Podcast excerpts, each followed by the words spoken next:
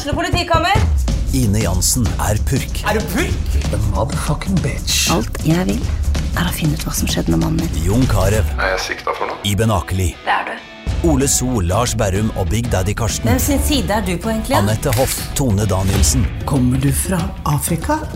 Jørnis Josef, Nesten. Kløfta. Trond Espen Seim, Det er synd å si det, men det var feil mann som døde. Purk. Premiere tirsdag på TV2 Play. Hei, og velkommen til en ny episode av Debrif med Dag Sørås. Det her er jo for de uinnvidde. Eh, primært en eh, monologpodkast hvor jeg jobber med meg sjøl og med nært og, fjernt og alt, eh, og alt imellom. Men i ny og ne, og forhåpentligvis oftere og oftere, så har jeg en gjest. Og det Det kan bokstavelig talt eh, være alt mellom himmel og jord. Um, men akkurat i dag så prater jeg med Sivert Høyem. Eh, I den forbindelse at han slipper et eh, helt eh, fortreffelig jævla bra nytt soloalbum som heter On an Island i dag. som Ja, jeg blir jo å eh, verbalt runke Sivert nok i løpet av denne praten til at dere skjønner at jeg liker denne skiva veldig veldig godt. Men eh, det, var, det var jævlig trivelig å omsider få treffe han. Um, ja, vi, vi prater vel om det, at det er nesten rart at vi ikke har truffet på hverandre tidligere. eh, Eller har vi, uten å si hei? Det, det kommer vi også tilbake til.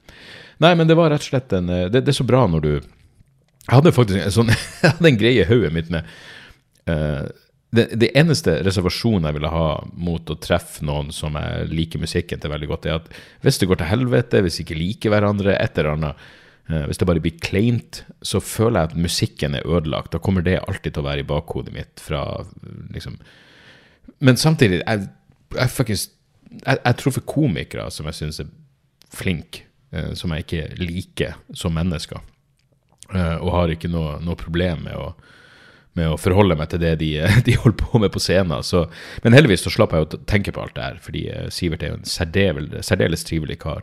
Og vi, eh, ja, vi, vi kunne prata mye lengre. Jeg følte meg litt sånn her, Plateselskapet var sånn Ja, dere har en time. Jeg bare, da har vi en time. Men vi prata vel faen meg 10-15 minutter etter at jeg hadde slått av opptaket. Så, eh, så vi kan kanskje gjøre det igjen flere ganger. Men som sagt, eh, selvfølgelig. Faktisk fantastisk, eh, fantastisk musiker.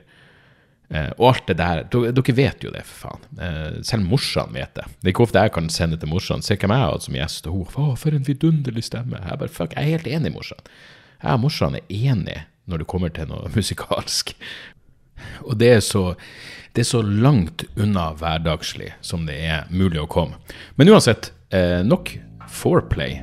Her er min prat med Sivert Høyem.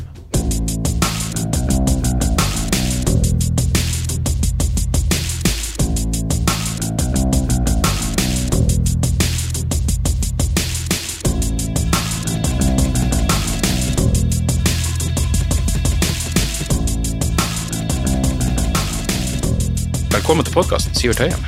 Takk. Og eh, grattis med vel overstått. Ja, Ja. takk for det. Er det, det er det en lettere bakfull versjon i dag, eller er det Nei, Nei. jeg blir ikke bakfull. Ja, du- Det var, det var løgn. Ja, Det var løgn. Jeg, jeg blir bakfull. Men uh, du er ikke sånn som klager over det. Det står det respekt av. det gjør jeg òg. Ja, du gjør det også. Nei, uh, ja, nei, men det er, det er deilig å være ferdig med alle de tingene jeg Ja. har å gjøre. Ja. ja. Hvordan er du i forhold til alder? Er du sånn som går og grubler på at du blir eldre? Og... Uh, ja. Uh, Ja. ja. Jeg brukte Altså, 40-årene har vært bra for meg, fordi at uh, da jeg Altså, alle heltene mine, jeg føler som alle heltene mine har vært 40 år. Ja. ja, liksom voksne, liksom myndige folk. Jeg tenker du før de slo igjennom, eller Nei, når de var på topp? Sånn, ja, når de var på topp. Ja. Sånn, Leonard Cohen er jo obvious, liksom. Ja. Brian Ferry, Johnny Cash. Han fikk mange Ja. sjanser. Så. Mm. Men uh, jeg begynner jo å nærme meg på en måte slutten på et tiår her. Ja. Jeg ble 48 i, i går, så og da er det litt sånn her, Det høres ut som et høyt tall, så jeg Mm. gleder meg til å runde Ja, til vi er tilbake på lav, og være, i- være i begynnelsen av 50-åra. Ja. Det er greit. Vet du, jeg var sånn, eh, til og med etter at jeg, jeg er to år yngre enn deg, da, men Ja. Eh, tror at jeg runda 40, jeg var fortsatt sånn, så jeg husker ikke om jeg var 44 eller 43, men Ja. den jævla pandemien gjorde at jeg fikk mye tid til å reflektere over, over uh, livet generelt. Ja. Altså, sånn en, eh, selvrefleksjon tror jeg er bra, men uh, det, det kan bli for mye. Og jeg følte at hele denne perioden der så begynte jeg å tenke sånn Ja, er det her jeg gjør med livet mitt? Og, så, så Reise ja. Rundt og Ja. prøve å få folk til å Ja, hvor lenge kan man gjøre det her? Jeg begynte virkelig å tenke sånn Ja, hvor lenge kan man gjøre det? Ja, som er egentlig for så vidt eh, idiotisk. Eh, og så er det også det der, det eneste jeg som irriterer meg med, med å bli eldre, jeg får så mange sånne eh, eh, Det dukker opp så mange eksempel hvor jeg bare innser at foreldrene mine hadde rett i ting de sa. Og det er litt sånn, eh, det irriterer meg litt. Ja. Det er så mye jeg kan forstå med, med ting de sa som ikke ga noe mening da jeg Ja, var tenåring, for eksempel. Jeg tar meg sjøl i å jeg har ha blitt denne personen. Og Ja. si de samme, samme idiotiske tingene, de samme truslene til ungene. Ja, ja, nettopp. De samme tomme truslene som man bare Jeg vet da faen. Jeg tror ja, altså, jeg, Etter jeg fikk unger sjøl, så, så tenker jeg jo altså Det er jo veldig mange ting som gir mening, som man tenker tilbake på. Bare man Man, eh, man kan man identifiserer seg med foreldrene sine på en annen måte, Ja, tror jeg. nettopp. Man, må skjønne hvorfor de, hvorfor de var hva som de var, ja. og hvorfor de, hvorfor de ja, man, var skjønn. ja, de, hadde, de, hadde sitt, de hadde litt De prøvde å leve livet sitt, og de hadde, hadde unger som de skulle holde styr på, akkurat som vi. Ja, jeg, jeg, jeg husker eh, Morsan var bestandig så jævla stressa hvis, hvis jeg dro på byen. eller noe. Så kunne jeg liksom, Når jeg kom hjem, så så jeg at hun sto i baderomsvinduet for å se at jeg kom hjem. Da kunne hun gå og legge seg. Ja, det kjenner kommer du jo til å gjøre? Ja, garantert. Men når jeg flytta først, jeg flytta til Tromsø, så kunne jeg ikke forstå hvorfor hun var på samme måten hvis jeg da var hjemme på ferie eller noe. Hvis jeg var ute på byen i Narvik da, så sto hun fortsatt og venta på meg. Så det sånn, men jeg er ute i Tromsø hele tida, Ja. så hvorfor stresser du ikke da? Men det er klart, da har du ingen kontroll, du ingen kontroll over ting. Og det gir, eh, det gir eh, mer og mer mening Ja. eh, etter hvert. Men det presseskrivet eh, som jeg fikk tilsett, der står det at du er melankoliker av legning. Eh, Det er noe helt annet enn det å være trist. Er ikke det? Ja. Jeg, jeg ser på det som to forskjellige ting, jeg, for jeg, jeg kjenner meg igjen i den beskrivelsen. Jeg er nesten, helt siden jeg var tenåring, så syns jeg kunne finne noen form for eh, jeg vet da faen, en eller annen rar form for tilfredsstillelse i- i å være litt nedstemt. Ja, Mm. og det er stemninger i musikken som Melankolske stemninger i musikken som bare gjør meg mye mer glad enn Mm. Oppløftende, En, faktisk. oppløftende. Ja, altså det er en sånn Altså, nå som eh, altså når, eh, når Shane McGowan døde vil jo, Man vil jo si at mye av den Altså deler av katalogen til, til Pogues har jo den derre eh, noe nostalgisk, melankolsk over seg. Det er klart, det fins jo sånn som Sally McLennan og liksom de vel, og If I Should Fall From Grace With God og liksom de der er veldig oppløftende Ja. bangerne. Ja, ja. men, eh, men, eh, men den derre den gode tristheten, Ja. det er jo en, en, det er en ting som musikk gjør, som jeg tror uh, bare treffer folk veldig dypt i hjertet, rett og slett. Ja, eller for jeg lurer på om det er en personlighetsgreie, eller om det er noe som egentlig alle kan føle på. At det kan faktisk være en fin ting. Jeg, jeg tror nesten alle har det sånn. Ja. Eh, jeg må si, eh, jeg leste jo det intervjuet med deg i A-magasinet nå i helga, Ja. og eh, der var de inne på der at du holder deg unna alt av sånn reality-ræl, eh, og ære være der for det. Men jeg lurer på, hva tenker du om denne type ting, som den PR-delen av en ny skive? Liker du det, eller er det mest mas? Ja, du gleder meg til å komme hit og prate Ja, med deg. ja, det er Eh, Men nei, jeg blir oppjaga av det. Jeg, er, jeg, jeg merker jeg har en, jeg har en tendens til å trekke meg inn i meg sjøl. Mm. Så sånn sett så er jo på en måte musikken en slags sånn her eh, mm, Et sånn eh, En linje inn til, eh, til livet. Det holder meg liksom i kontakt med Det aktiviserer meg og holder meg, tvinger meg litt sånn ut av skallet mitt. Mm. Ja. Så, så det, er sikkert godt av det, men, eh, men, eh, men et visst ubehag, Ja. må jeg innrømme. Ja. Kona mi vil, eh, vil kunne eh, bekrefte det. Ja. Jeg, har, jeg har vært eh, ganske urolig i det siste. Ja, ok. Ja. Men er du en sånn her- Bryr du deg om anmeldelser og sånne ting? Leser du anmeldelser? Ja da. eh, jeg bryr meg jo selvfølgelig mye mer om eh, de negative tingene Ja. folk har. Sånn er det jo bare. Mm. Og, og til, tilskrive de folkene som gir meg negativ kritikk, mye mer intelligens enn de, som, enn de- enn de- fortjener. enn- de fortjener. Eller enn de som har noe positivt å si. Veldig Ja, ja. ofte. Dessverre. Ja. Uh, um, og dvele altfor lenge ved sånne ting. Uh, jeg tror det har blitt litt bedre eh, med årene. For du, du har jo sett Man har fått noen dårlige omtaler, og så Men jeg er jo her. Ja. Og jeg kommer til å være her. Jeg kommer til å, jeg kommer til å fortsette å gjøre det her selv om jeg gjør det dårlig. Mm. Altså, men selv, det, det, er liksom, det, er ingen, det er ingen som kan gjøre noe med det. Uh, og jeg overlever en dårlig omtale eller, eller to. År, Mm. Så, men selv om det, det svir faen meg når du Ja. ja. Husker, Det har du jo opplevd sjøl, sikkert. Ja, ja. Og jeg husker jeg gjorde en sånn um, standup-festival i Skottland, Fringe-festivalen.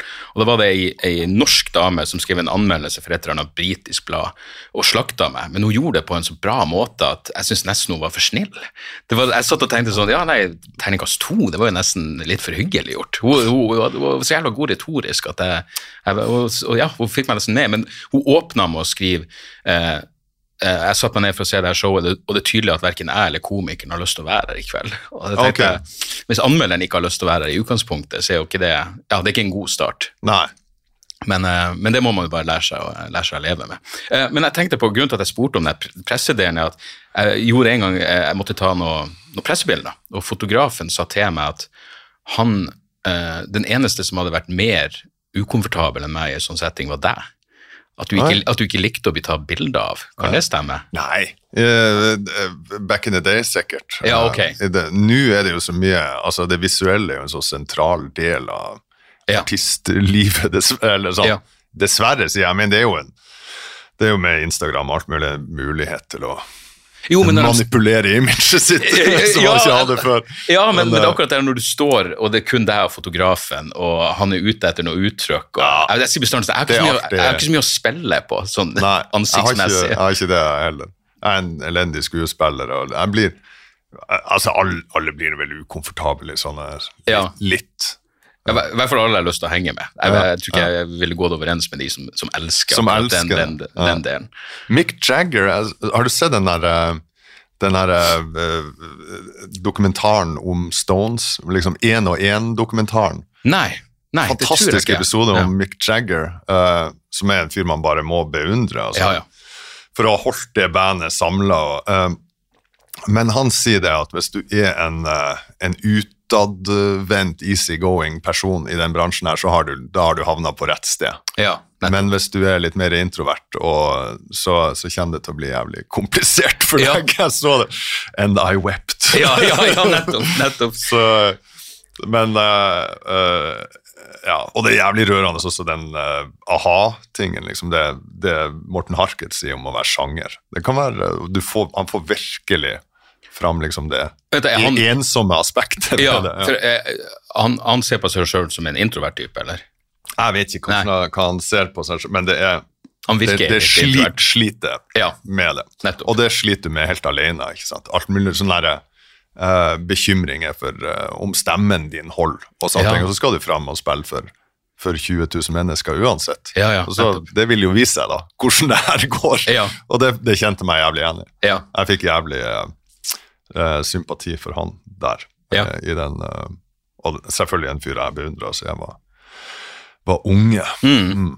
Ja, nei, jeg jeg- kun sett det, det var Netflix hadde en eller annen Keith Richards-dokumentar som jeg, jeg vet ikke om den kom i forbindelse med den selvbiografien en stund etterpå. Det var, det, det var slående at det var faen ikke et eneste bilde eller opptak hvor han ikke hadde en sigg og en drink i hånda. Og det var liksom i alle slags, enten man spilte biljard eller, eller satt på bussen, uansett. Så eh, ja, nei, det, det er jo inspirerende at de, at de fortsatt puster og, og kommer med ny musikk, ikke, ikke minst. Ja, og det er ikke så verst. Nei. Siste Stones-albumet jeg, jeg hørte til og med gjennom hele. ja, ok, wow, da, da ser du. Ja, Du, jeg, jeg, på. Jeg har jo jeg har jo litt sånn eh, klein eh, eh, For det her er jo første gang vi treffes. Eh, men jeg pleide å gjøre et radioprogram oppe på Sagene. Og jeg mener at jeg traff deg flere ganger. Du var sikkert, Kanskje du var på vei i barnehagen, et eller annet, men jeg traff deg flere ganger. Og jeg føler at vi fikk øyekontakt et par ganger. Det var ingen grunn til at du skulle vite hvem jeg var, men jeg visste hvem du var. Og sånn tredje gang du treffer noen, så blir det, det blir sånn kleint at man ikke bare sier hei. Jeg husker jeg, jeg er jeg, pleide, å plage meg litt i ettertid. Det har vært mye lettere å bare si hei, og hvis det blir kleint, så da er det minste ut av veien. Ja, ja men jeg, jeg, jeg vet det. Jeg har sett det mange ganger. Jeg har bare aldri eh, fått meg til å Det er vanskelig å, å på en måte hoppe ut Altså, Hvorfor Ja. skulle vi egentlig hvorfor skulle vi gjerne se? Nei, det er Fordi akkurat at, det. eh, Er det for at vi begge er kjente fjes? Ja, og da blir det kleint. Ja. Så, men, eh, men samtidig så har vi Jeg ser jo for meg at eh, det det må være noe overlapp her med venner og sånne ting. Ja du er fra Narvik, Ja da, jeg er det. Jeg, vet- jeg vet at vi har noen felles, Ja. eh, både bekjente og venner. Ja. Så, eh, så sånn sett ville det vært naturlig. For du ser litt ut som han Jan Roger Trønnes. oh, sier du det? Ok! men det, altså, det har jeg spurt om. Men du er altså ikke en ut av de her eh, myriadene av uh, søskenbarn som han Robert hadde. Nei, Jeg har aldri nei, jeg truffet noen som hadde så mange søskenbarn. Ja, sier du det? Akkurat. Ja, nei, det hadde jo selvfølgelig vært i ære, men, men dessverre. Og jeg har litt sånn Jeg vet ikke hvordan du har det med, med Nord-Norge, det kan vi for så vidt komme tilbake til, men jeg har faen meg Nå er det én jeg kjenner som, liksom, som bor i Narvik. Som er, Ja. Så det, virker som jeg la bak litt jeg, jeg, Ja, jeg tok ikke med jeg bevarte ingen sånn vennskapsforhold når jeg bevegde meg Brente bort alle bruer. Ja, jeg gjorde egentlig det, altså. Ja. Og har egentlig ikke angra noe sånn markant på det. Det var ikke Nei. noen bevisst avgjørelse heller, men, eh, men når, når eh, vennskap eh, visner bort sånn helt naturlig, så var det vel kanskje meninga. Ja, ja, ja. Mm. Altså, men jeg kjenner meg igjen i det. Jeg har, jeg har få folk som jeg har omgang med som bor hjemme. Altså, Ja. Naturlig nok, jeg bor i Oslo, som bor, fremdeles bor hjemme på Sortland. Ja. De beste vennene mine derifra bor her i Oslo. Så, så eh, jeg dro jo hjem for å lage et album hjemme. Og, og da kjente jeg litt på det der eh, faen, Hva har man, har man rett på det her? Ja. Å claime det her, egentlig. Jeg er Ja, ja. basically søring, omtrent. Ja. Så det er litt sånn ja, det, kjente, det føltes nesten litt rart. Ja, jeg, jeg tenker på det samme, bare liksom hvor mye jeg har fått bare med altså liksom når jeg begynte å jeg vet ikke, når jeg begynte å trekke et publikum, eh, så var det jo først og fremst i Nord-Norge, og da er det jo egentlig bare pga. dialekten. Ja. Jeg føler ikke at jeg har gjort noe sånn for å kultivere noe image som nordlending. Det, er- vel bare det at vi har beholdt dialekten, Ja. eh, uten å bli noe særlig eh, ut, utvanna. Jeg, jeg snakker sikkert bredere Ja. når jeg snakker med deg. Ja, ja, ja, kanskje det, ja. Ja. Jeg, jeg merka det da jeg sa Jan Roger Trønnes. Ja, ja, det Han var, bare for å klare opp i det her, han var en, en, en fyr jeg bodde i kollektiv med, og en i den her Narvik og Bjerkvik-gjengen Ja, som kom inn eh, med han, med han Robert, som Ja, var en ja. ganske stor gjeng. Ja. Så bare så folk vet hvem Jan Roger ja, ja, ja. Han Pølse-Jan. Pølse, ok. Shout-out til Pølse-Jan.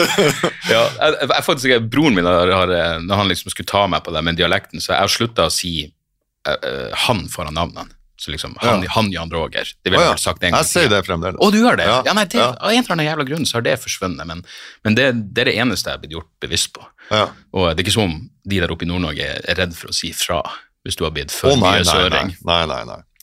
Men, men eh, eh, du, du nevnte jo det at du, du har dratt eh, hjemover for å lage skive, og det her er jo åtte år siden forrige blir, blir det Ja, åtte år? Åtte blir år siden, åtte år, for, ja. siden forrige eh, soloskive.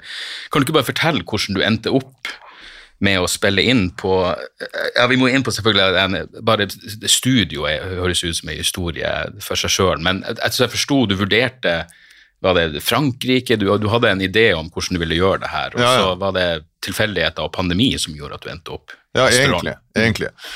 Det, uh, ideen kom, uh, manifesterte seg under en samtale jeg hadde med han uh, Bjarne Stensli, som er en sånn tekniker jeg jobber mye med her Ja. i Oslo. Eh, og han foreslo at vi skulle liksom dra et sted og leve sammen og, og lage skive under et litt sånn, mer sånn komprimert periode. Ja. Det jeg husker mest av sånne ting Jeg husker den dokumentaren om uh, hvordan de laga Blood Sugar Sex Magic. Med, det, det, var, det, var, det er mitt forhold til sånne ting. Oi, ok. Ja, Ja.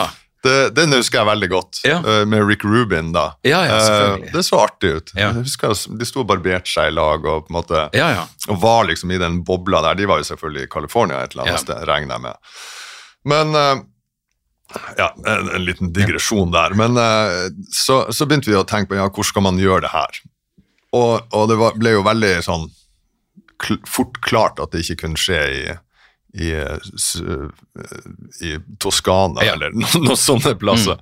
At vi måtte gjøre det i Norge. Men jeg har eh, jeg, har, jeg føler jo aldri jeg har gjort noen ting som har noen ting med Nord-Norge å gjøre, egentlig. Nei. Madrugada har hele tida blitt Det har blitt påpeka noe liksom arktisk og noe, noe særnorsk ved det bandet. Stort sett av utenlandske eh, journalister, men vi hadde jo bare lyst til å komme oss opp og ut, ikke sant. ja, ja. Så jeg, vet- jeg vet ikke. Det bare føltes eh, som det var riktig. Mm. Det har, det har noe med, med Altså, heimlengsel har jo noen ting med det å gjøre. Etter at jeg fikk unger, så er jeg jo er jeg altfor sjelden eh, Ja. hjemme. Det blir liksom én gang i året.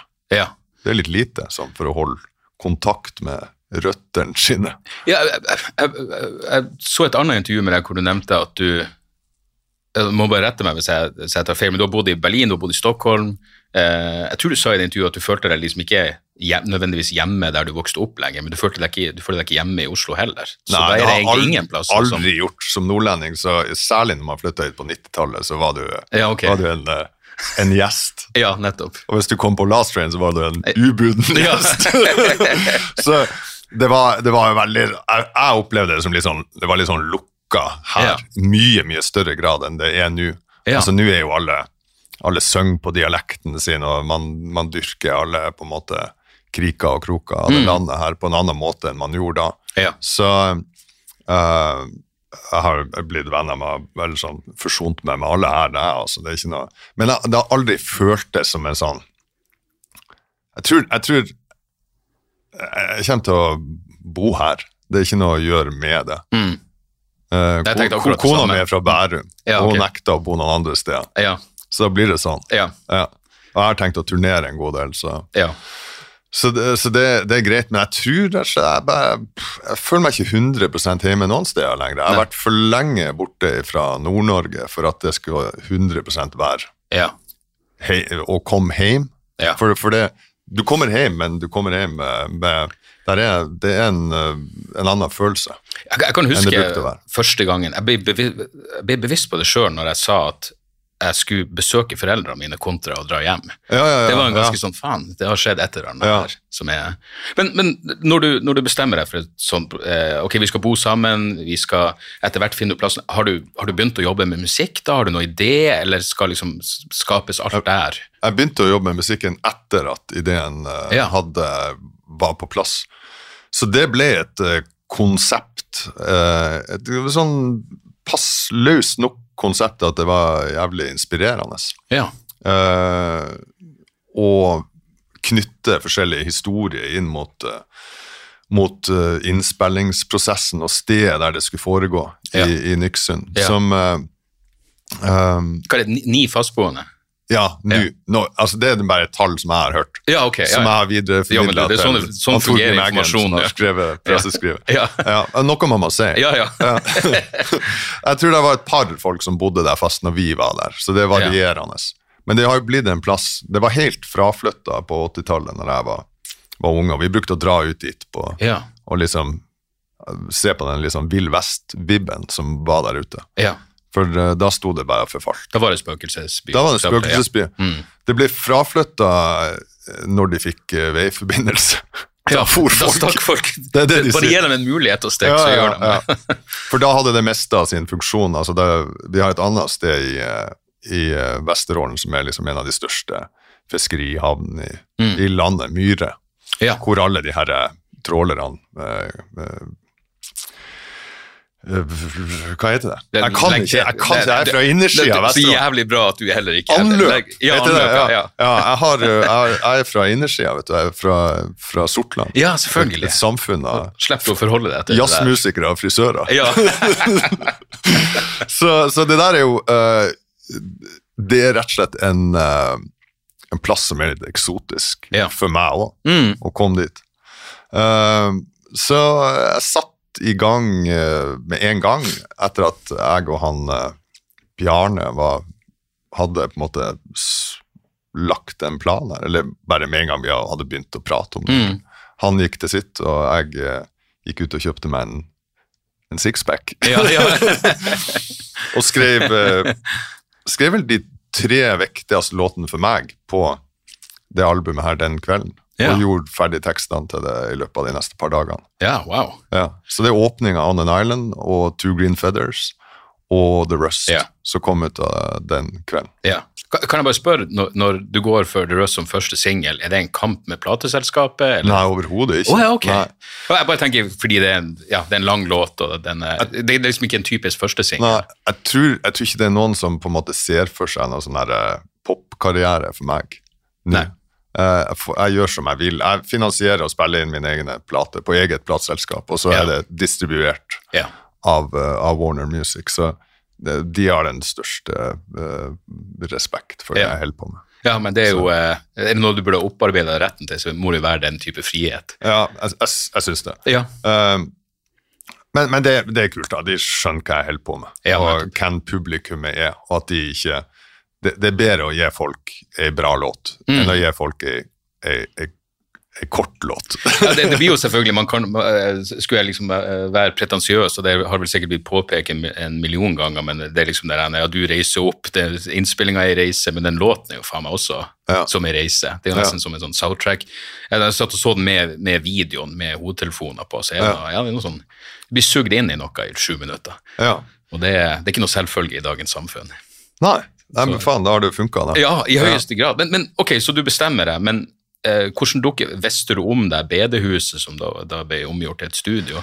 Jeg spurte meg litt om Jeg kjenner en fyr som heter Svein Spjelkavik der oppe. som er, Han er rock mot rus-general. Ja. Eh, ja. Gode gamle Andøya. Ja. ja. Uh, Så han var behjelpelig med å eh, foreslå en del plasser. Og det her Sted Soar i Nyksund, bedehuset der, ble eh, Det var flere som sa at det, de hadde, det var bra akustikk der. Ja. Og så var det også et sted hvor eh, vi kunne regne med å Eller vi kunne leie det for hele perioden. og ja, Ja, Hvor lenge var dere der? 14 dager. 14 dager? Ja. Ok. Så hadde vi, Og en annen grunn til at det var bra å være i, i Nyksund, er at den eh, Nå er det kommet en sånn fine dining-restaurant i Vesterålen, som Ja. Kvitnes gård, men, men, eh, men eh, det er vel en av de, eneste, en av de få gode restaurantene i, i Vesterålen Ja. ligger der. Ja. Ekspedisjonen som, som serverte oss lunsj og middag. Ja. En, en ny fisk hver dag. ja, nice. Ja, jeg, Ja, jeg, jeg, jeg får faktisk inne på Visit Norway, som er noe sånn eh, eh, jeg vet da faen, turistside. Der sto det faktisk Nyksund, fra spøkelsesby til kreativ oase. Jeg vet ikke om det er skrevet etter at du har spilt inn skiva. Ja, nei, men det er mye, mye kunstnere som har bosatt seg der, eller ja, Ja. har noen slags eh, tilknytning til stedet. Mm. Og en herlig detalj eh, nå er jeg litt russen på min bibelhistorie, men at Soar, var det det var navnet Ja. på bedehuset? At det var den byen Gud sparte i Sodom og Gomorra. Så det er ganske, da, har du et ganske, ganske sånn mørkt og fint bakteppe bare Ja, der. du, du har det. Ja. Og Nyksund er en plass som har Det er mye sånn lokal folklore om De har blant annet sånn eh, steder hvor djevelen brukte å vise seg som en svart hund. Ja, akkurat. Eh, det er en referanse i Ja, ja. Den refereres, eh, det refereres til i en av tekstene her. Ja. Eh, og da visste man at eh, da kom noen til å gå i vei på havet, eller Ja, akkurat, ja. ja du, det, må- når du nevner, for det, det er i Now You See Me, Now You Don't. Ja. Um, og jeg var jo sånn um, jeg, jeg er veldig glad i musikk, men jeg har null musikalsk kompetanse. Jeg, jeg har liksom ikke noe, Hvis noen spør hvorfor er det der bra, så har jeg ikke så mye utover at jeg liker det. Ja. Eller det minner meg om noe eller et eller annet. Og så har vi jo, um, så det, Jeg har litt sånn imposter syndrom når jeg skal prate om musikk. Men uh, vi har jo en felles kompis i Egon Holstad, Ja. og når jeg hørte den låta, så, så skrev jeg til han faen, altså, for det, det er min favoritt på skiva. Og så skrev jeg sånn Det er så jævla, det er noe sånn sinnssykt bra Nick Cave-vibe på det her. Den kunne, Den kunne vært på Let Love In. Og straks jeg hadde sendt den, så tenkte jeg jeg hvis han tenker tenke, det er det dummeste liksom, Hva du snakker om? Og så, veldig. Ja, så han, han visste meg et screenshot. Han hadde sendt deg en lignende melding. Han hadde det. ja, og da var det sånn Ja, faen, det var bra, den. eh, Men ja, nei, det Og det må jeg bare si, bare, det burde jeg kanskje nevnt i starten, at det er jo virkelig ei, ei knallskive. Altså sånn virkelig Jeg tenkte det, når du først skulle ha denne praten, så tenkte jeg hva hvis jeg mot formodning ikke er noe særlig fan av det her? Hvordan legger man opp praten da? Ja. Men Måtte det- vi snakke om noe annet? da? ja, nei, men da, det slapp, slapp jeg jo heldigvis, det slapp jeg heldigvis å, å, å forholde meg til. Um, Ja, det er bra å høre. Uh, og er det jo uh, i det Jeg fikk jo tilsendt av plateselskapet jævlig mange fine bilder også fra innspillinga, så du hadde med deg en, en egen fotograf. Mm. Ja. En, ut, en utlending. En utlending. Ja. Eh, en som heter Andreas Hornhoff, en tysk fotograf som jeg jobba med en del. Ja. Eh, så han hadde aldri vært nord for Oslo. Nei. Så han, det her var en stor opplevelse for han. Mm. Eh, en opplevelse for livet, tror jeg. Eh, så det har hele tida vært meninga at det skulle være et, eh, det man brukte å kalle det for et multimediaprosjekt. Ja. Så det er mange ting. Det følger utstilling med det her. Han tok fantastiske Ja, okay, landskapsbilder der oppe. Jeg Sånn- gleder meg til å se vinylen. hvordan Jeg tror den er ganske så Den skulle jeg hatt med Ja, til ja. Den er helt sinnssykt fin. Ja. Det var virkelig en sånn følelse av å ha at nå gir jeg ut skive. Ja. Jeg fikk den i hendene, for vi har jobba sykt mye med det artworket.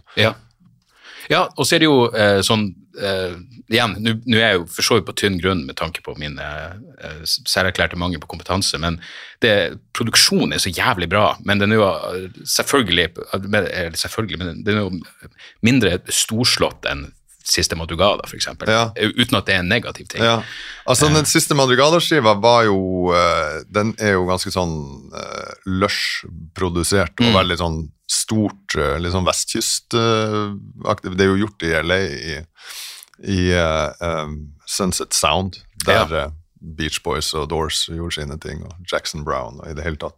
Så jeg vet ikke, vi, vi ble jo litt uh, inspirert av det. Mm. Uh, men det, sånn som jeg opererer, så blir det ofte sånn at det siste jeg har gjort, eller det neste jeg gjør, Mm. den nye tingen jeg gjør, er alltid en, på en måte en reaksjon på det jeg har gjort Ja, før. Klart. Så jeg ville nok at det her skulle være uh, litt uh, mer sånn taktilt, at du, du kunne ta på alle lydene, at det skulle Ja. være litt mer minimalistisk enn det Madrugada var. Mm. Men det er masse instrumenter her. Ja. Men, men det er en tyl, tydeligere opplevelse av å være i et rom, tror jeg. Absolutt. Ja, det, det, det er lenge siden jeg har hørt noe hvor jeg, denne klisjeen om at det er som å ha dem i stua når du hører på Ja. det, den er, faen meg, den er sann i det her tilfellet, Ja. altså.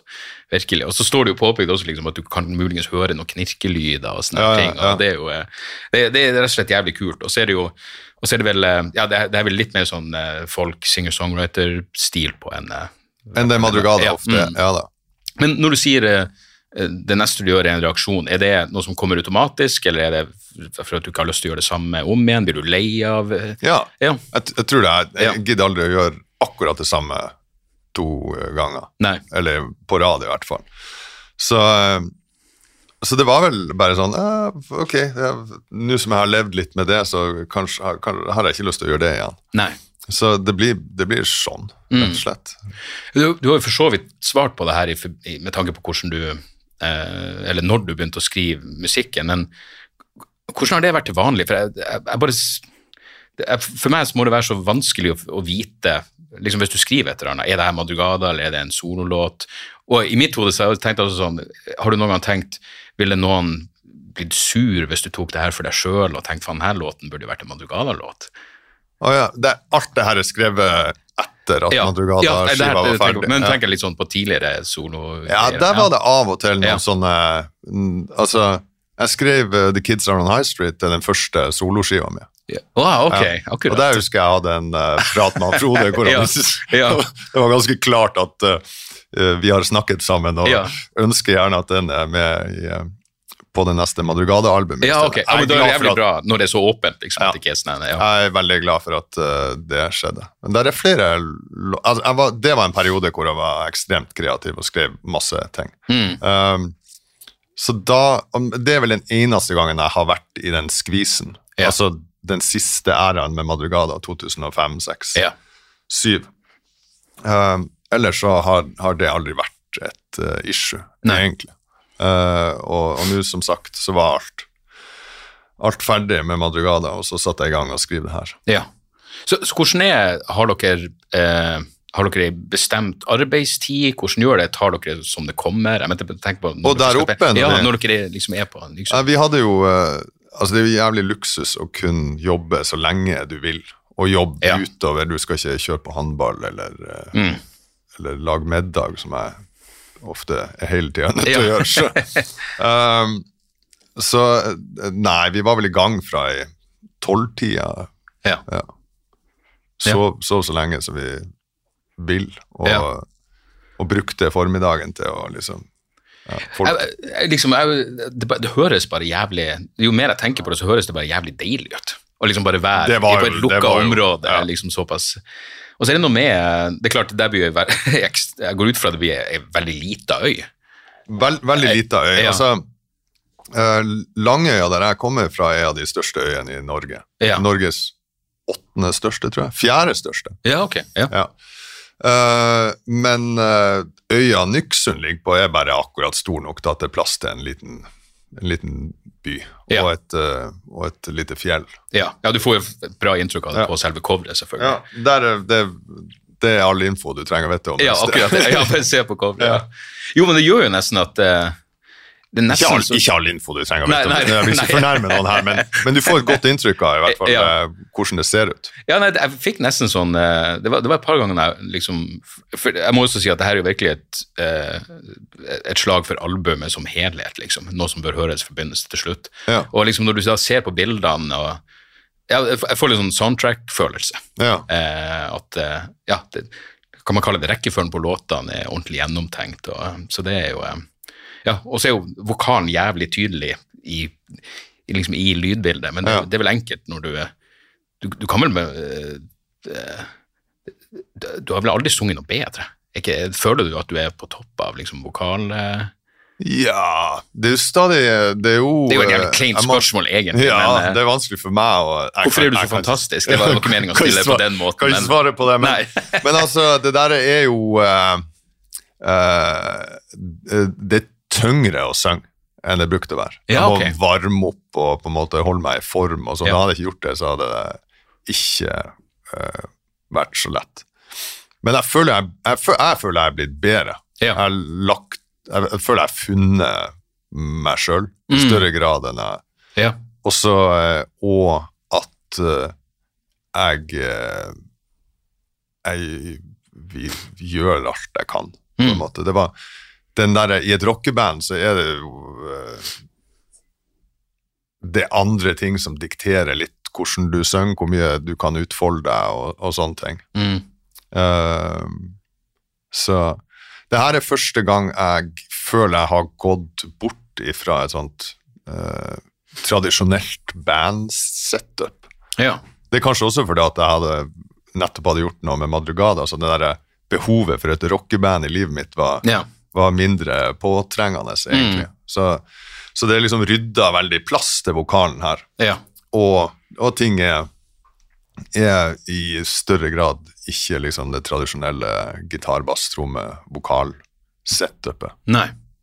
Er, er, det, jeg skjønner at det er annerledes når du da skal liksom reise rundt og, og, og gjøre det her kontra Madrugada, men jeg husker jeg, jeg bet meg merke i eh, jeg, jeg tror faktisk det var du gjorde Egon sin podkast, Feedback, Ja. og da sa du, jeg tror nesten det var i bisetning, men det var et eller annet med Madrugada, sa du eh, noe sånt som at eh, du var innforstått med hva det vil si å være en frontmann på det her nivået, liksom hva det innebærer. Jeg bare tenker på hvordan, hvordan forskjellen, hva du legger i det eh, liksom før du går på scenen med Madrugada kontra når du skal gjøre det her materialet solo.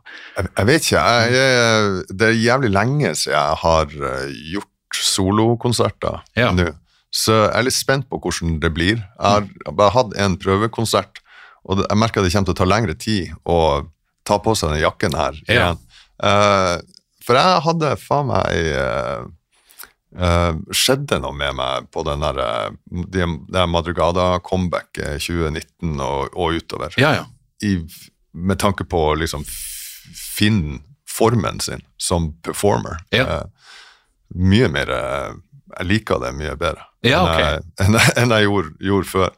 Så hvordan jeg, jeg var ikke helt uh, klart for meg hvordan det blir overføres til, Nei. til, uh, til solotingene altså, mine, men jeg, håper jo at uh, jeg får ha det med meg. Ja, jeg, jeg så jo, jeg var jo, jeg ble invitert på den, jeg var ikke klar over på forhånd hvor intimt det var. Dere har en sånn preprod-greie med Madrugada med publikum. Ja, ikke jeg sett deg der? Ja, I publikum? jeg satt jo på første rad og ble Så- sånn Jeg ble bare sånn eh, Jeg vet ikke om jeg Jeg, jeg var bare overraska over hvor intimt det var. Jeg vet ikke Ja, helt hva jeg hadde sett for meg i hodet. Nei, nei, nei. Ja, vi har drevet og øva ute i, ute i Kolben. Kolben, ja. Nettopp. Ja. Men da, var, da tenkte jeg bare sånn Det var så lett å se for seg det her sånn som det skal være, liksom. Ja, ja, ja. Og jeg husker det var et eller annet på en sånn liten skjerm hvor du sa det her kommer til å være jævlig mye større. så det kommer ikke til å virke så rart. vi hadde, vi hadde liksom eh, hele den eh, storskjerm, eh, vår på en sånn Ja, Det føltes som en slags sånn powerpoint-presentasjon Ja, det var akkurat det. Det var akkurat det. Men da, da var jeg tenkte liksom sånn, ja, det her er faen meg Det er liksom det trøkket det skal være. Jeg vet ikke, gjør det det, det må jo være veldig annerledes, men er fortsatt, det, det er jo fortsatt igjen annerledes enn å spille bare i vanlig øving uten folk i salen, vil jeg tro. Ja, det er gærent. Ja. Uh, jeg ble, jeg blitt Altså, det der å, å forberede seg ekstremt godt til det man skal gjøre, Ja. det, det er jeg stadig mer eh, fan av. Mm. Vi, vi, jo, vi var ekstremt omstendelige uh, med Madrugada i, forut for det, i 2019. Ja. De konsertene der, og det, hadde, det fikk vi igjen for, altså. Ja. Så jeg har gjort det igjen nå. ja, akkurat. Ja, Nei, det, det, det er ikke noe galt med å være proff og, og gjennomført. Nei, altså. jeg husker altså 2001, etter uh, uh, The Nightly Disease med Madrigala, da hadde vi øvd for lite. Oh, ja, ok. Da hadde vi øvd for lite når vi skulle ut. Litt sånn her uh, ja, Litt for sjølsikker der. Ja, nettopp. Jeg skulle gjerne gått tilbake og bare sendt de gutta tilbake i øvingslokalet. Men det er, vel, det er sikkert ofte, vil jeg tro, eh, ting dere merker som ikke nødvendigvis publikum Nei, merker jeg også. tror, jeg tror uh Ja, whatever. Ja. Du har sikkert rett. ja. Men uh, stemmer ikke, du, du turnerte gjennom pandemien, gjorde du ikke det? Du jo soloting bitte litt. da. Ja, ja, bitte litt. Jeg ga ut eh, et minialbum Stemmer. som heter Roses of New Roses Mm. i uh, 2001, og, og litt sånn pandemikonsert etter det. Ja. Det var rart. Gjorde du noe under ja, jeg turnerte igjen, og jeg er takknemlig for det. Fordi Ja, selvfølgelig Får aldri opplevd det ja. Nei, nei, nei. og- Forhåpentligvis. Ja, og hadde jeg bare blitt Jeg hadde jo liksom eh, kompiser og kollegaer som bare ble sittende hjemme, og det ble jævlig mye mørkere for dem, Ja. for jeg hadde minst et eller annet å fokusere på. Ja. Så var det selvfølgelig litt stress det der med blir det noe av. Jeg husker de gikk ned fra De hadde liksom det 200 i salen, eh, og det var greit med de, med de liksom det som jeg spiller. Hvis det er plass til 500 og det er 200 der, så er ikke det Ja, noe stress. Ja. Eh, Men når de gikk ned til 50, da husker jeg jeg var oppe i Sandnessjøen eller noe, og tenkte jeg det her er smertegrensa. Ja. Eh, fordi det virka bare rart for alle involverte. Ja. Jeg sånn, ja, Når du begynner å tenke at for publikum sin del, så vet jeg ikke om det her er verdt det. Da Nei. burde man kanskje bare vente litt. Ja. Og så ble det 20. Ja, ja, ja, jeg, gjorde aldri, jeg gjorde aldri så lavt, men, eh, men jeg husker jeg så jo dere med Madrugada i Spektrum, og da var det vel Da hadde de noe sånn rart Jeg tror ikke f- kunne ha et par tusen inne, stemmer det? Vi hadde kunnet gjort det for fullt spektrum. Oh, ja. Men vi satt og vent... Vi Altså, det, vi fikk jo ikke vite det før liksom Nei, to dager før. Så vi tok liksom ikke sjansen. Nei. Så vi endte opp med å på en måte gjennomføre de ifølge de, de rare Ja, liksom, reglene som som var, som var da, heller enn å og ja, annonsere de på nytt sånn, Ja. heller enn å, å risikere å, å være nødt til å flytte alt. Ja. Så vi, vi, da sto vi klar for å komme i gang. Ja, ja, ja. Ja. Jeg, jeg husker det var ganske rart, bare det å gå på dass på, på, i Spektrum, og det ikke er kø. Det var, det var ingen der. Det var bare lang. Men, men det, jeg mener, det funka jo som faen. Men det er klart, det, det blir vel ei omstilling. Men eh, jeg vil tro som alt annet, når du først er i gang, så føles det relativt eh, normalt. Ja. Ja, og så er jo alle, ja, Det hadde vært verre hvis folk ikke skjønte hvorfor det var så lite folk. Det har jeg Ja, opplevd mange ganger. Det er atskillig kleinere. Ja, det ble litt kaos der. Ja. Men, eh, jeg beklager det. Men, Nei, nei, nei. Det, måtte sånn. er, det er fullt jævla forståelig, så det er, det er ikke noe, noe stress. Men nå når du skal turnere, så er det jo Da gjør du, i hvert fall i Norge, så er det, gjør du helger, da. Og så er du en god del ukedager òg. Ja, ok, akkurat. Ja. Vi, vi spiller Narvik på en mandag. Ah, jeg skal gjøre vinterfestuka. Stemmer det? Ja, Så jeg ja. forventer meg jo rallarhatt. Ja, da bør det faen meg bli stemning. Ti pins per hatt. Ja, ja dere var jo med Madugada oppe i eh, eh, Hai... Hva faen? Nei, på den festivalen de Ja, hadde i Narvik. Ja. Ja. Og Jeg det- og- jeg og Jon i Madrugada vi har hengt oss opp i det rallarhatt-konseptet. ja. Veldig. Vi spilte vinterfestuka tidlig, altså sikkert med, med Industrial Silence. ja, akkurat. ja. Så vi utvikla vår egen. Ja, Det er jo liksom den ene greia Jeg har jo litt sånn halvanstrengt forhold til hjembyen min, men det var jo liksom den ene sånn unike greia med Narvik. var jo Rallarhatt. Jeg kan ennå huske når jeg spurte morsan sånn Er jeg nødt til å Og da var jeg vel Da var jeg oppe i tenårene, hvor jeg liksom spurte sånn Er jeg nødt til å kle meg ut nå? Og hun sånn Nei, du er stor nok til at du velger sjøl. Og jeg bare Fuck, oh, ja. kødder du? Kan jeg slippe? Men da var det jo en reaksjon med at du ble påtvunget det jævla rallarutstyret. Å ja. S- Ja, det var liksom Hjemme? Ja, ja. Så det var ikke noe spørsmål Nei, nei, nei, det var en selvfølge. Det var like selvfølgelig så at du skal spille fotball eh, eh, liksom i den sesongen, og så er det slalåm når det er Det var liksom bare en sånn selvfølge. Og så skal du kle deg ut som, en, du deg ut sånn en, en fyr fra proletariatet. Det er jo faen ikke rart man vil Svunnen. Det er ikke rart man vil eh, Man føler for å, for å flykte til tider. Men, eh, men ja, du, det var bare et par ting til jeg tenkte med den, eh, den øyfølelsen. Fordi jeg har bestandig tenkt Nå vet jeg jo ikke med, med så lite øye, men det er sånn jævla eh, de gangene jeg er på Sånn som jeg var på Færøyene eh, i fjor eh, og, og gjorde noe sånn, et eller annet sånn firmajobb. Og selv om det er relativt Det er noe med øyet, så jeg tenker det, er sånn lovløshet rett under overflata, uansett hvilket øye du er på. Ja. Og det liker jeg ganske godt. Jeg kunne sikkert ha fortalt noen ting, men Ja, nei, Du skal ikke få deg hot water, men det er jo nei, nei, nei. nei, nei, nei. Ja, nei, Men, men det, men, ja, ja, helt sikkert. Ja. Men eh, bare for å ta liksom, det, det her er jo stort sett da gjort med, eh, som, en, som en trio. Er du, er du åpen for innspill underveis da? Ja, andre, absolutt. Ja. absolutt. Det her er eh, eh, koprodusert av, av Christer Knutsen, altså gjort med Christer Knutsen, som er på en måte min right hand man, Ja. eh, som jeg jobber masse med Mm. daglig her i Oslo. Ja. Så det er vi som har drømt det opp i lag. Jeg har skrevet alle låtene sjøl, med unntak av én låt, eh, In The Beginning, som er gjort der. Det var hele tida meninga. ja, okay. At vi skulle, eller en ambisjon jeg hadde, at vi, vi skulle sette av en dag og prøve å se om vi klarte å skrive en sang i Mm. lag. Ja. For å liksom virkelig fange stemninga. Ja. Så, så den ble spilt inn og eh, skrevet og spilt inn samme dag. Ja. Så det ja. folk hører på skiva, er oh, ja, det er faen meg kult. andre eller tredje gjennomkjøring Ja. av den. Nice. Uh, og så er det jo ja, det, altså det, For det første, det, der- det, det presseskrivet er jo noe så uvanlig som jævlig interessant å lese. Ja, ja. Det, vi, Det skrev en ekte forfatter. det skrev en ekte, det var det jeg skulle til å si. Var noen, på et eller annet tidspunkt skriver han noe sånn at uh, bedehus og bluesklubben, rockemusikkens to elementærpartikler. Jeg tenkte, ja, ja. Kan uttrykke. Han vet å få det sagt. Ja, gjør det. Så jeg håper jo at den, eh, at den blir tilgjengelig for, eh, for alle og en- alle. Eh, hvordan er du når det kommer til liksom, ja, det er jævlig bra produksjon. Hvordan er du i forhold til å høre på ting? Er du sånn lyd, eh, lydofil-type? Hører du, Vil du ha det ukomprimert kontra MP3 og sånne ting? Når du hører på musikk? Jeg tolererer vel eh, liksom eh, Spotify tål, tålig bra. Mm, Man har jo blitt vant med det, dessverre. Så. ja.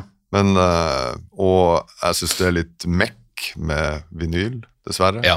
Er dårlig på å holde den eh, platespilleren min operativ. Du, jeg, jeg har det på akkurat samme måte. Ja. Det er liksom, da må du, da, vet, når, ta, når har du tid, når setter du deg virkelig ned for å høre Ja. på et album? Liksom? Det er vanligvis mens du gjør noe annet, Ja. dessverre. Og det er bare sånn det har blitt.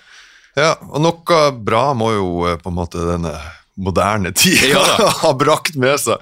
Man har fått tilgang til all musikk i sånn tålig hørbar eh, oppløsning, liksom. Så det er jo en veldig, veldig praktisk måte å høre Mm. Ja, på men musikk det på. av og til når man tenker over, hvis jeg hadde fått ja, den her fremtidsvisjonen som tenåring, jeg ville jo faen meg svimt av. Ja, du hadde jo det. Ja, ja. Jeg kan jo huske, Farsan fikk jo de CD-brennerne ganske tidlig. Ja. hvor jeg kunne la, Bare det å lage sine egne CD-er. Forelska i ei eller annen dame og lage en CD. Ja. Det, var jo, det er vel faen meg en eller annen reklame nå som går, som går på akkurat det. At du har brent en CD til, til noen du er, du, er, du er hypp på. Ja. Men eh, ja, nei da, så det har jo eh, Men jeg, jeg ser jo for meg at denne skiva virkelig eh, vil gjøre seg på vinyl. Altså. Ja, ja, det, definitivt. Så Ja. jeg, jeg, jeg oppfordrer jo alle til å Ja, selvsagt. Jeg har ikke tenkt å gjøre det sjøl, Nei. men eh, altså Nei, jeg har jo jeg har drevet og hørt på den, på en måte, de originale filene og sånne ting. eh, på, Ja. jeg, jeg, br- jeg bruker sykt masse tid på det når jeg uh, holder på med noen ting. På liksom nerde på, på, på miks og mastering og sånne ting. Ja. Og det føles som det er bare mer og mer som kan gå feil, med konvertering og alt mulig annet. Ja, akkurat, Når alt er ja. Mm. digitalt. Plutselig dukker det opp en eller annen rar støy som, Ja. som før, når ting ble gjort på tape og miksa på tape, og så forelå masteren, og da var det Ja. ferdig. Det var ikke noe mer å si på det. Man har sykt mange muligheter til å på en måte tvile på ting, på valg man har gjort, og, og også det er så mange ting som bare kan gå sånn teknisk feil i en sånn prosess. Ja, men når, når dere reiser oppover, da, da, da, stoler, sto, da stoler du på at det bedrehuset kommer til å funke, eller må Ja, ja. du dra opp og sjekke det på forhånd? Vi, vi var oppe på, eh, på våren og Ja. var på befaring, jeg og han eh, teknikeren, Mm. og ble veldig klar over at det, det her skal vi gjøre. Ja.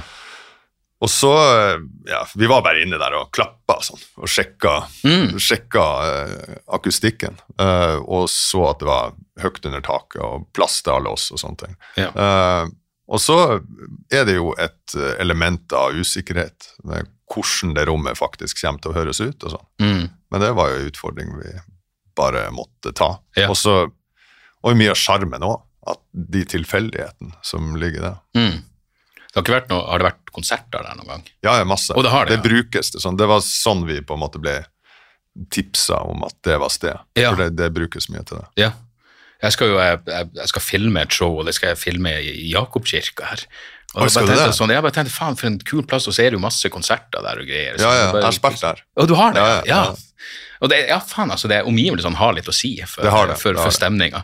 Um, eh, det her er muligens litt, litt sånn uh, merkelig spørsmål, men eh, føler du at du får uttrykk for alt du har av følelser gjennom musikk?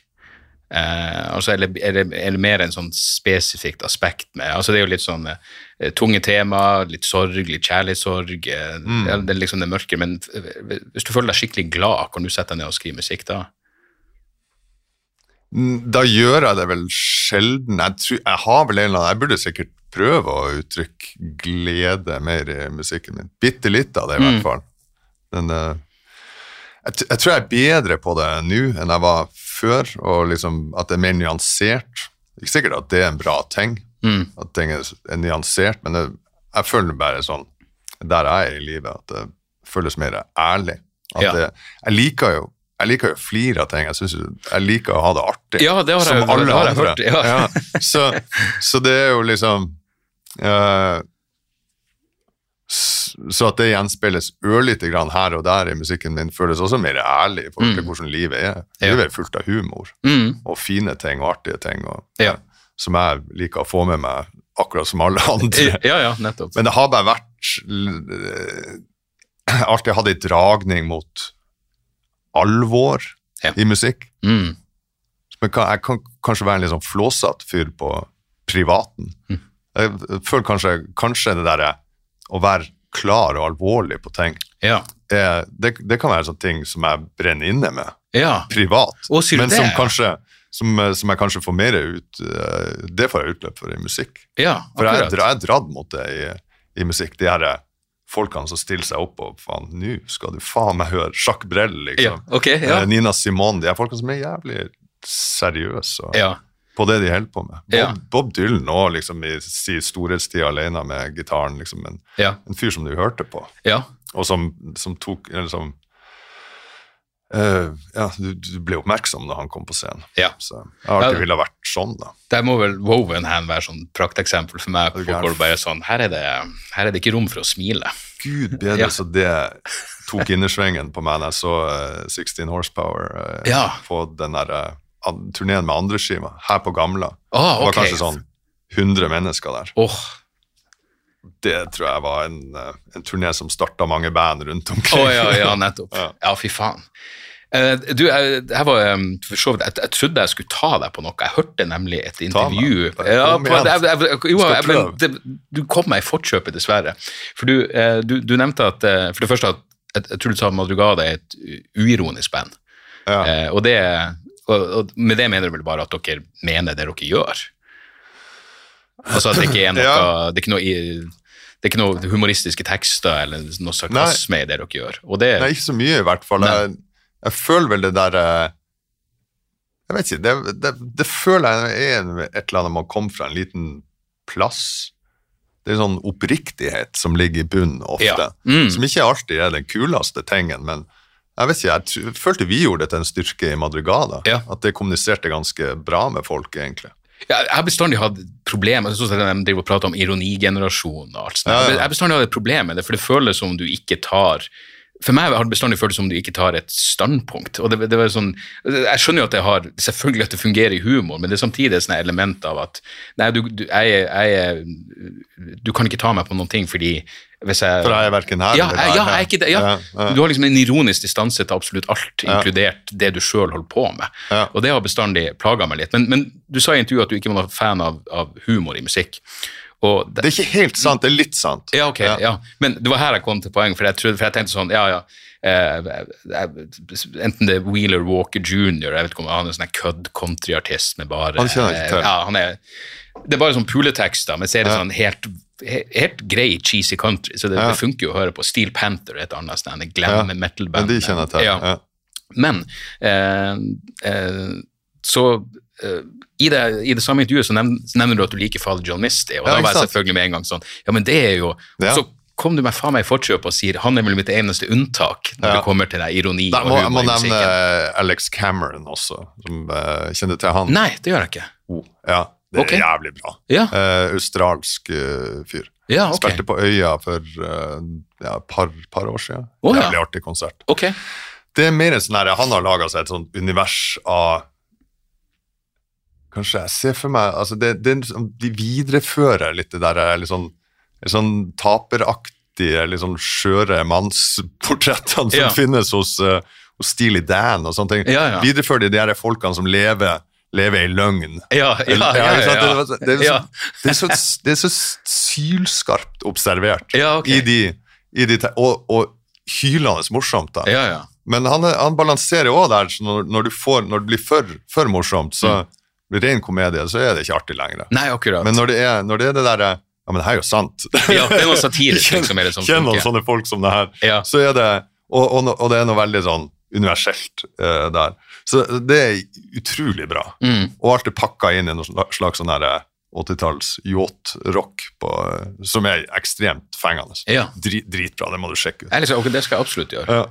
Så, så han er jo også ja, og, og morsommere enn en, eh, det fader John Misty er. Ja. Men, men ja, han har jo den der ironiske Ja, distansen som, som jeg føler ofte kommer i en del sånn amerikansk indie, at den derre den- Man er redd for å være eh, liksom eh, corny, da. Eller å Ja. være for liksom for, Det må ikke bli for liksom oppriktig. Den, den derre den der, Du har en utvei Ja. via ironien, ja som kan være litt sånn Jeg vet ikke. Det er, det er jo det som er Jeg føler jeg gjør han til den han er, da. Mm. Ja, men samtidig så er man av og til Ja, men det er jo fint når du bare mener det. Ja, du kan det- jo skrive en fin sang Jeg husker jeg så, jeg og, han faktisk, og si noe, noe sant. Jeg oppdaga den, eh, den Fair Fun, den første skiva, som jeg fortsatt syns er Fantastisk den er, plate. Er Virkelig, virkelig bra. Altså. Uh, veldig tidlig, fordi han var gjest på en, pod, en sånn litt obskur podkast som en komiker har. Ja. Og så var han bare så han var sånn, eh, kalles komiker? eh, En som heter Duncan Trussell, en amerikaniker. En amerikansk komiker. Eh, og, eh, og plutselig sitter jeg og prater. Jeg husker at uh, plutselig sier fader John Nisse sånn Ja, nei, det er noe postkommunistisk med det her. Og sier Duncan Trussell til han hva det betyr for noe? Han bare, nei, det var egentlig bare et begrep jeg leste nylig. Jeg vet da faen hva det betyr for noe engang, men da bare heiv det ut for å se om det catcha. Så jeg tenkte sånn, faen, eh, men når jeg hørte jeg- Ja, det, var bare, straks jeg hørte skiva, så elska jeg den, og så spilte han på John D.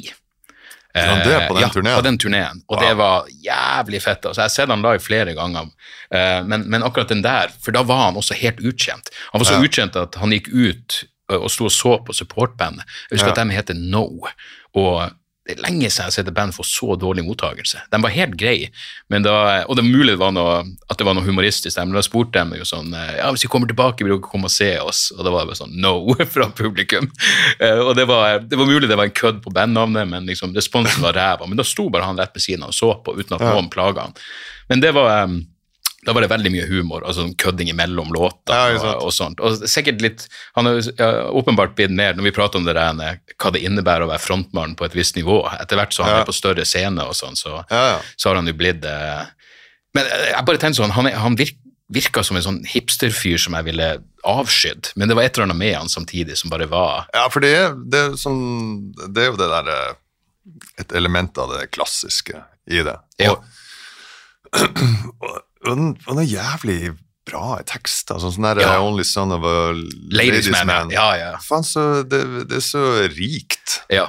Jeg, jeg digger den teksten. Eller det er jævlig mange gode tekster, alt han holder på med, men, men den Altså, hele det derre eh, med å At han eh, at Måten han liksom mytologiserer sitt, sitt eget liv og sin egen på en måte sier, At han kommer, ja. kommer, til LA, liksom. Ja, ja. Og, og hvor viktig det er. Jeg liker Så den. eh, I'm writing a novel because it's never been done before. Ja, ja, ja. Så ja, jeg lurer på om han sa at det begynte at han, han- ja, han skulle skrive novelle, og så utvikla det seg til, liksom, til å liksom bli ei skive. Men det er jo um, Ja, nei, det, det er noe kult der. Og så er han også en av de som liksom eh, faktisk lager litt bilder i hodet mitt når jeg hører på det. Ja. Det er noe med tekstene som gjør at jeg liksom ser for meg hva som er veldig, veldig bra låtskriving, føler jeg. Ja, så, så du lar deg inspirere av andre musikere? Ja, ja. ja, det har jeg alltid gjort.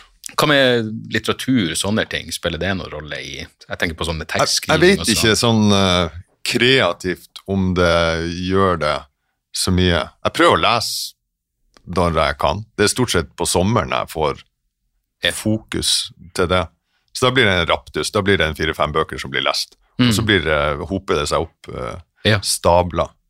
Uh, det, det, det blir mye historie, egentlig. Liksom uh, Det har liksom vært tingen min Ja. siden før jeg begynte med musikk. Ja, Hamsun er jo selvfølgelig nevnt. Hamsun er altså, nevnt her, det føltes ja. naturlig. De, de tidlige bøkene hans gjorde et stort inntrykk på meg da jeg var ja, det året, jeg, leste vel det året jeg slutta på videregående og på en måte venta på å dra ned til Oslo med Madrugada. Mm. Og det som er sterkt med de bøkene liksom i Pan og Victoria, er jo liksom at han bodde jo Ja. i Vesterålen når han jobba med de Altså, jeg føler det er det.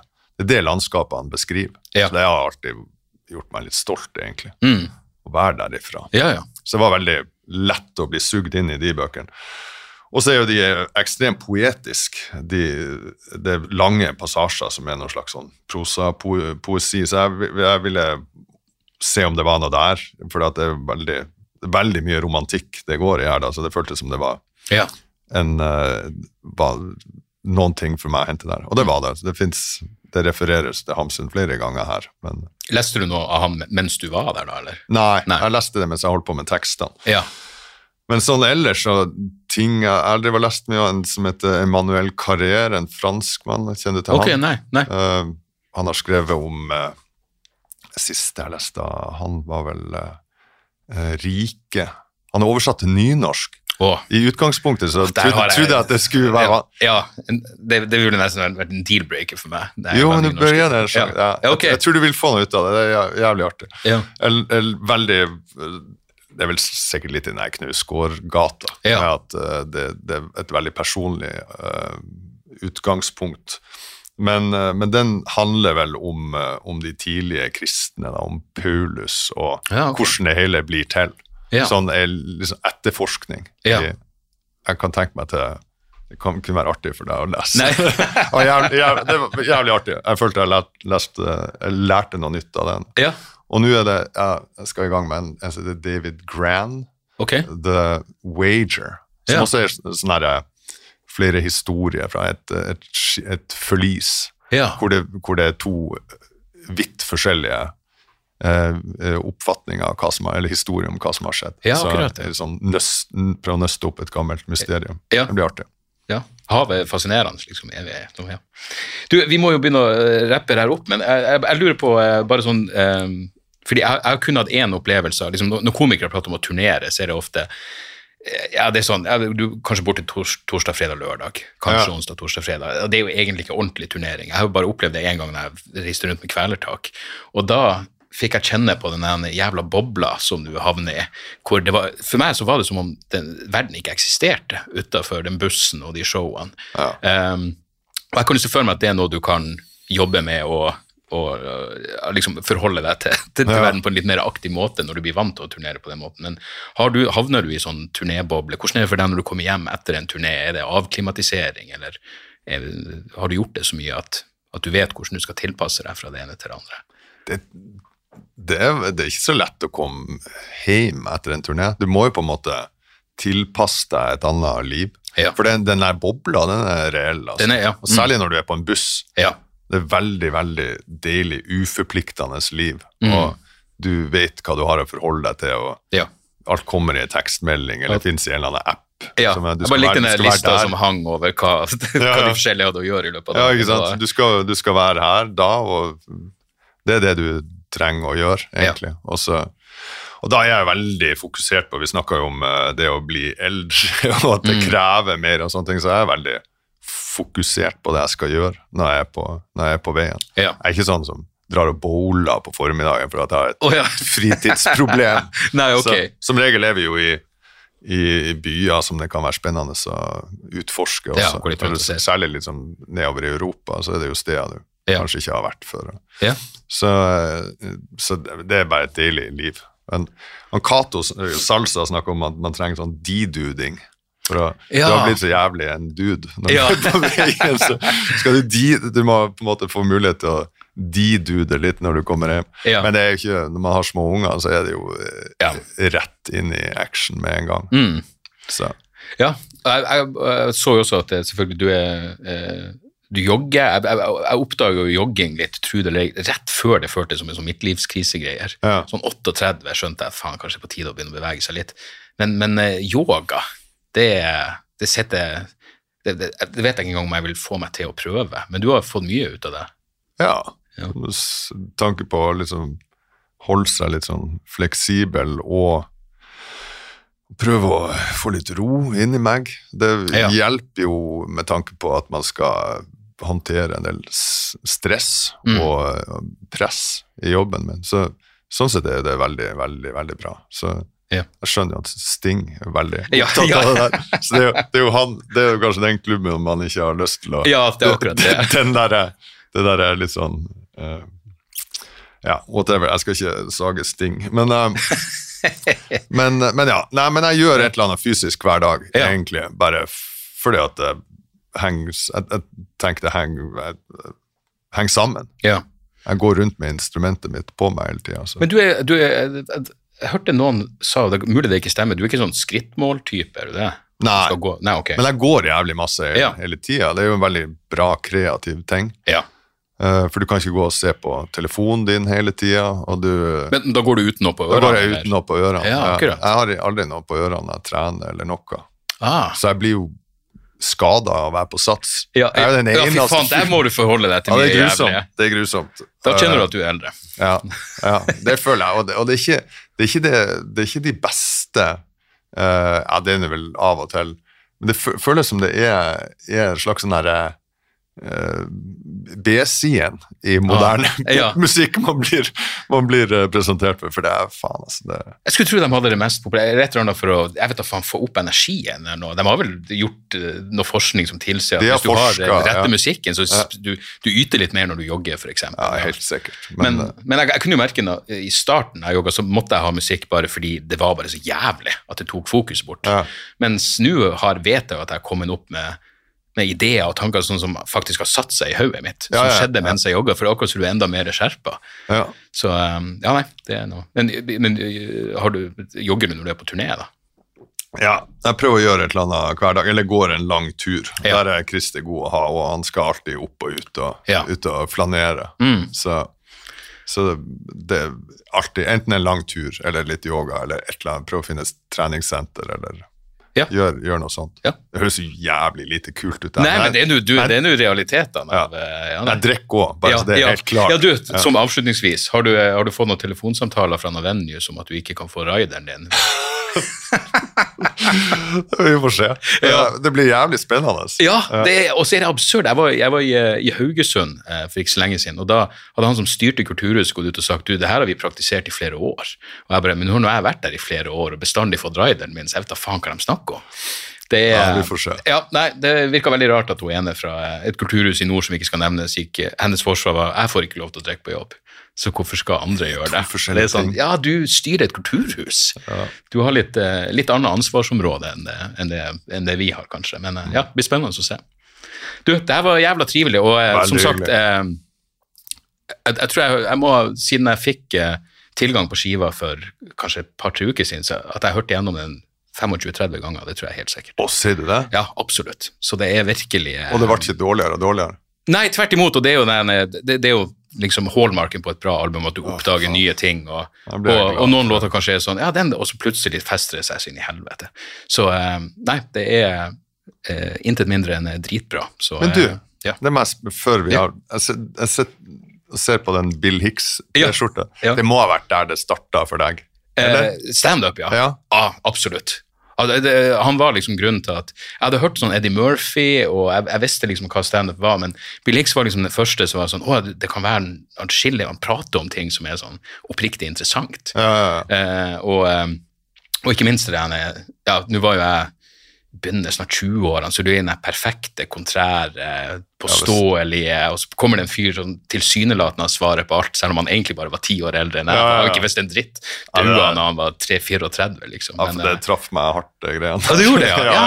ja, nei, fyr, og så var han også en av de der som, som åpenbart eh, Han ble jo aldri noen, noen stor komiker i USA, men det virka som musikere likte han. Ja. Og det var jo Tool som gjorde at jeg oppdaga han. han eh, det, det, var bilde, der? eh, det var bilde av eh, Bill Hicks inni den eh, eh, Anima-skiva.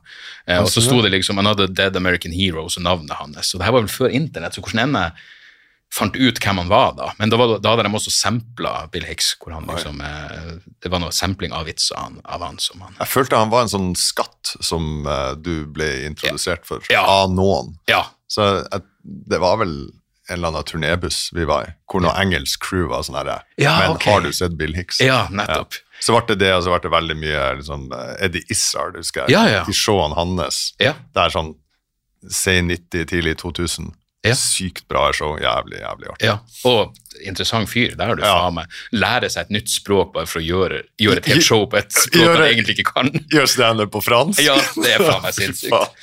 Ja, nei, det, så, Ja, Da kan du gjøre det der med snakke om det og ikke gjøre samme tingen flere ganger. Men, eh, men ja. Nei, men så uansett, lykke til med, med turné og alt videre. Så var det jævlig hyggelig å hilse på deg. Det samme. Ja, all right. Har du et enkeltpersonforetak eller en liten bedrift? Da er du sikkert lei av å høre meg snakke om hvor enkelt det er med kvitteringer og bilag i fiken, så vi eh, gir oss her, vi. Fordi vi liker enkelt. Fiken superenkelt regnskap.